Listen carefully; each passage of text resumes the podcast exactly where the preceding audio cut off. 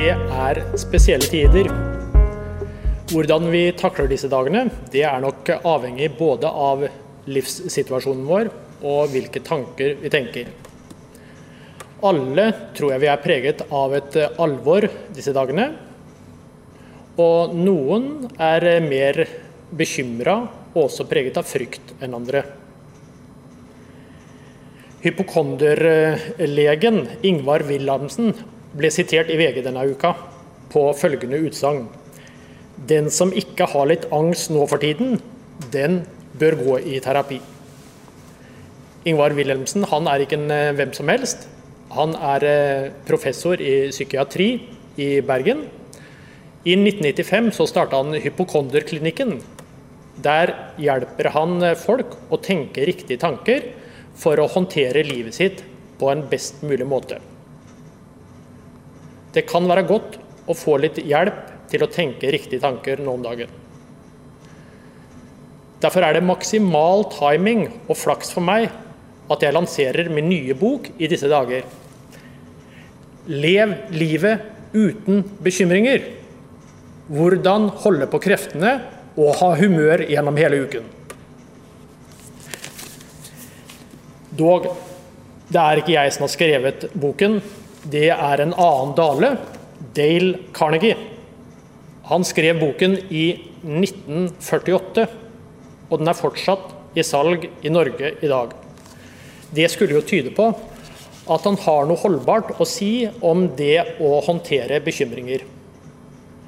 Og det han foreslår, det er en trepunktsprogram eh, for å forholde deg til bekymringer. De skal du få. Det ene, det er hva er det verste som kan skje? Nummer to aksepter det. Og nummer tre bruk energien på å gjøre noe i forhold til det du allerede har akseptert mentalt. Kan det brukes i denne tiden? Mange av oss opplever å bli permittert. Det vil ha noe å si for hvor mye vi bekymrer oss. Én, hva er det verste som kan skje? Det blir økonomiske utfordringer. Vi må helt klart endre på forbruket vårt. Kanskje må vi selge bilen. Og kanskje må vi selge huset. To, kan eh, du akseptere det? Da må du nok gå gjennom noen tanker. Men OK, vi må kanskje selge bilen. Eller vi må kanskje selge huset og finne en annen boform. Men vi lever, og vi er friske. Tre. Hva kan jeg gjøre i forhold til det? Greier man de to første punktene, så får man et annet fokus på å gjøre noe med situasjonen. Ja vel, kanskje vi må tenke annerledes økonomisk. Kanskje dette er tiden for å legge hele økonomien vår i Guds hender og følge hans prinsipper. Skal vi være helt radikale, virkelig begynne å gi tiende og satse på at det er riktig det som står, at Gud velsigner den som gir han det som hører han til? Så sier du kanskje min frykt, det ligger på et annet plan. Jeg er mer bekymra for døden, om noen av mine nærmeste skal dø. Eller kanskje du kjenner litt på dødsangst selv også. Kan du da få hjelp av de tre punktene som eh, Dale Carnegie refererer til? 1. Hva er det verste som kan skje? Det er eventuelt at du kan dø. Noe vi får håpe at våre myndigheter legger godt til rette for at færrest mulig gjør. To, kan du akseptere det? Da må du tenke noen tanker om hva som gjør at du har bekymring og frykt innenfor døden en som har sittet ved veldig mange siste dødsleier, han sier det at det er to spørsmål som ofte kommer opp. Det dreier seg ikke om økonomi og eiendeler. Det dreier seg om forholdet eh, til dine nærmeste, dine relasjoner. Og det dreier seg om forholdet til din skaper. Du er nå på en eh, kirke som heter 316. 316 kommer fra Johannes 316, som er for så vidt det mest kjente verset som oppsummerer hele Bibelens budskap. For så høyt har Gud elsket verden, at han ga sin sønn den enbårne, for at hver den som tror på han, ikke skal gå fortapt, men ha evig liv. Her sier Jesus i klartekst at ved døden så er det to utganger. Det er å gå fortapt, og det er å ha evig liv. Jeg må si at hvis jeg ikke trodde på Jesus, så ville jeg ha frykt for å dø. Jeg tror på Jesus. Det gir meg en trygghet innenfor døden. Jeg har allerede begynt på et evig liv sammen med han. Når jeg fikk kreft i 2012, så gikk det nødvendigvis noen tanker gjennom hodet. Vil dette være et endelig punktum? Da hjalp budskapet i Johannes 3, 16 meg. Oslo-biskopen ble spurt i debatten på NRK denne uka hva er din oppgave i denne tida? Da svarte hun det er å navngi håp. Håp har et navn. Det navnet er Jesus. I Johannes 1,14 så omtales Jesus som Ordet. Bådel, kan ikke du nå gi oss noen ord fra Bibelen? Når vi er eh, bekymra og har mange urolige tanker, så kan gudstroen og Guds ord komme oss til hjelp i de tidene. Og Da har jeg lyst til å trekke fram noen vers som jeg syns hjelper meg når eh, hjertet mitt er urolig og jeg bekymrer meg. Eh, og da er det først det som står i Salme 62, 62,9. Der står det Stol alltid på ham, dere folk. Øs deres hjerte ut for ham. Gud er vår tilflukt. Så Gud oppfordrer oss rett og slett til det å øse ut hjertene våre for ham. Det er ikke sånn at vi liksom forsiktig skal komme med noen fromme bønner, men vi kan øse ut alt som vi har på hjertet vårt av bekymringer, utfor ham. Han oppfordrer oss til det. I klagesangene 2.19 så står det 'Øs ditt hjerte som vann for Herrens ansikt'.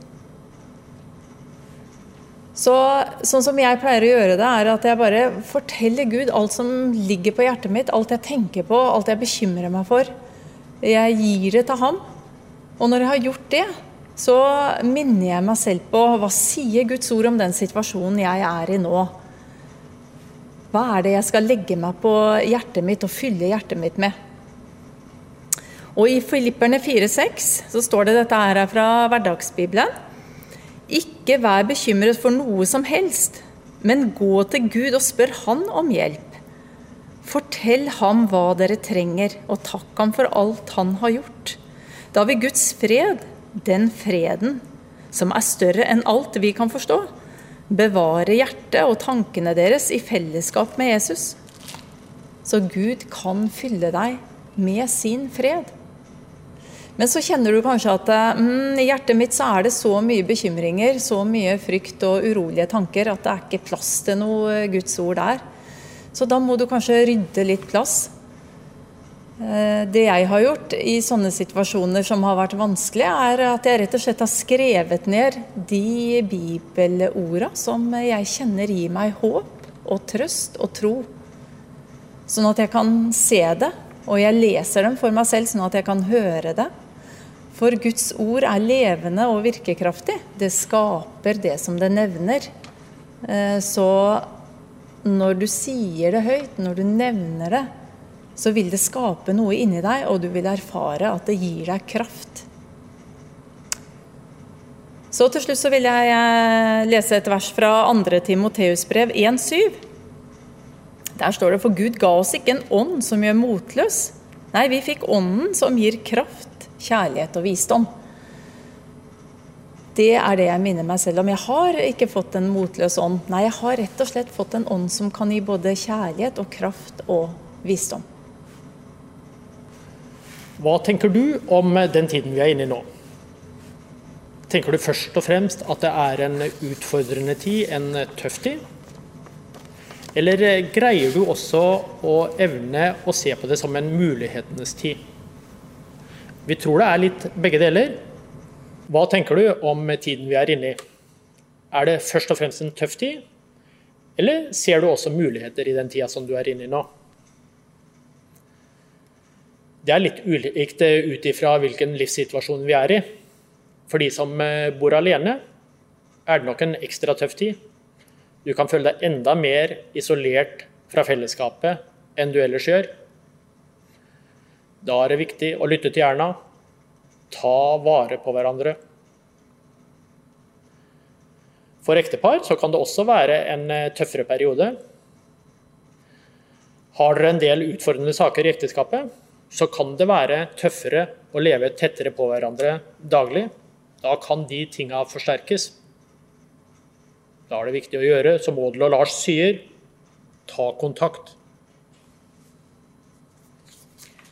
Det kan også være en tøff tid for familier. Man har en eh, hverdag nå som bare er helt annerledes enn den man pleier å ha. Man går tett på hverandre. På Barne-, ungdoms- og familiedepartementet sine sider, nettsidene til Bufdir, der er det en temaside om koronakrisen og trygge råd for foreldre i denne tiden her. Den siden syns jeg dere skal gå inn på, for den har veldig mange praktiske tips om hvordan dere kan løse ting hjemme på en god måte, med både hjemmekontor og hjemmeskole. Dette kan også være en mulighetenes tid. Enten du bor alene, ekteskap eller familie. Muligheten er der for deg som bor alene. Sjefen sjøl, Jesus, han trakk seg av og til tilbake. Var for seg selv og kom tilbake sterkere. Det kan du også gjøre i denne tida.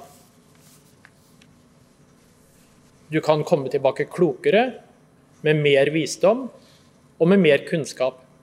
Det er en tid for å lese bøker, hilsen bokhandleren. Det vi har lyst til å løfte fram i dag, det er det at dere kan ha en familiestund, dere som har barn hjemme. En familiestund er helt annerledes enn en middag hvor man sitter og prater sammen og hører hvordan alle har hatt det i dag. En familiestund er noe dere planlegger.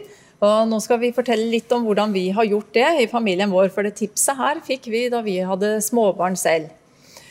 Du må annonsere at dere skal ha en familiestund. Ikke mange dager på forhånd, for da husker de det ikke, barna. Men eh, samme dag litt tidligere at i kveld så skal vi sette oss ned som familie og prate litt sammen. Da skal vi alle sammen si noe positivt om hver og en i familien. Og du kan komme fram med noe som du lurer på eller vil ta opp.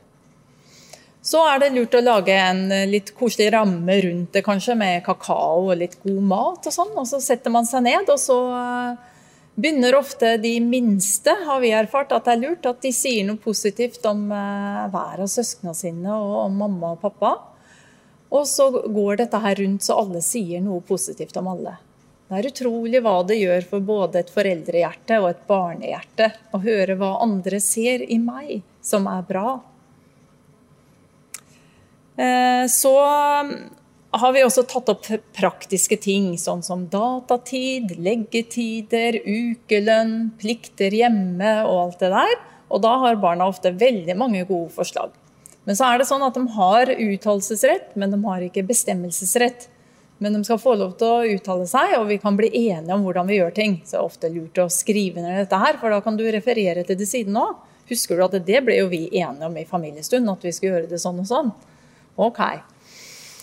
Og så eh, gjorde vi også det at eh, ungene valgte seg ut et bibelvers fra en bok som vi hadde med bibelvers for barn. Og så skrev de det ned på dataen, knota ned da, og med hjelp til dem som ikke kunne skrive så godt. Og så printa vi det ut og, og satte det på kjøleskapet, og så var det et vers som vi skulle lære oss fram til neste familiestund vi hadde. Det er også en god ting for barn å lære hvordan vi kan bruke Guds ord midt i en praktisk hverdag. Familiestund kan også være en eh, tid for å snakke om eh, dypere ting og mer alvorlige saker, som f.eks. den tida vi er inne i nå.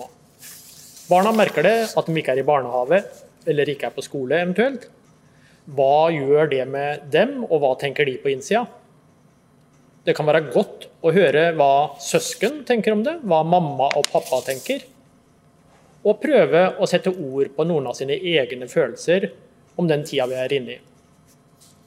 For en del år sia så fikk jeg kreft. Det måtte vi ha en grundig prat på i familien, alle sammen, og jeg med hver enkelt av våre fire gutter. En dag jeg kjørte minstemann til eh, trening, han var ikke da mer enn 12-13 eh, år, så det var noen år til dette var aktuelt, men da kommer det fra baksetet.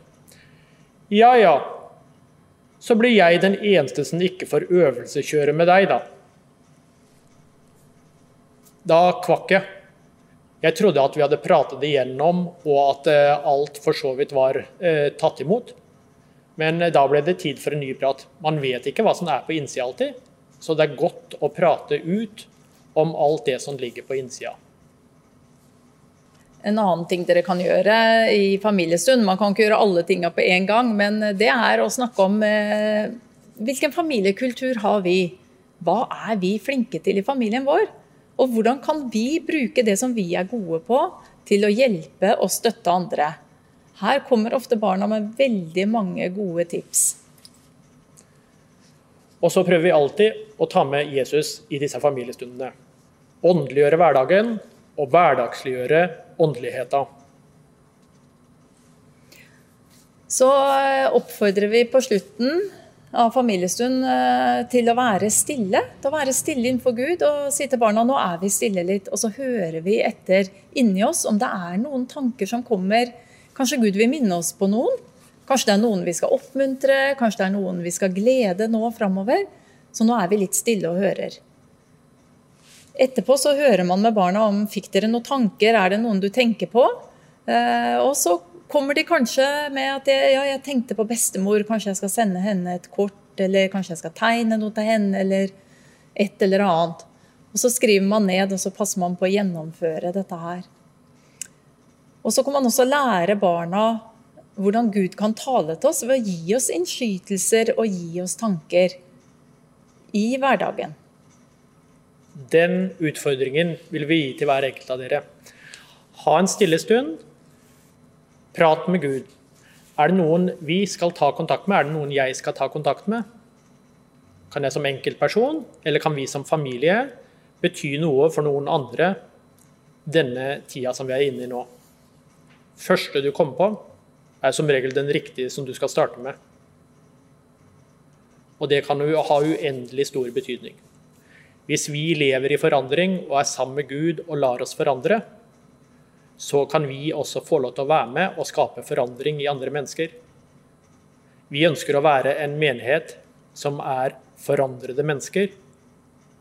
Og på den måten så kan vi sammen få lov til å inspirere hverandre til å være med og utgjøre en forandring i byen også. Vi har fått lyset i oss. La det stråle fram fra oss i den tida vi er inne i nå. Det ber vi en bønn rundt. Kjære Gud, jeg takker deg for at eh, vi kan komme til deg og kaste alle våre bekymringer på deg, fordi du har omsorg for oss. Takk for at du er en fast klippe. Takk for at du står fast til evig tid. Takk for at vi er løftet over i ditt rike og får lov til å leve sammen med deg nå. Og så ber jeg deg om at du må fylle alle våre hjerter med den tryggheten. Sånn at vi også kan få lov til å spre den tryggheten videre, Jesus. Og bidra positivt og godt inn i andre menneskers liv.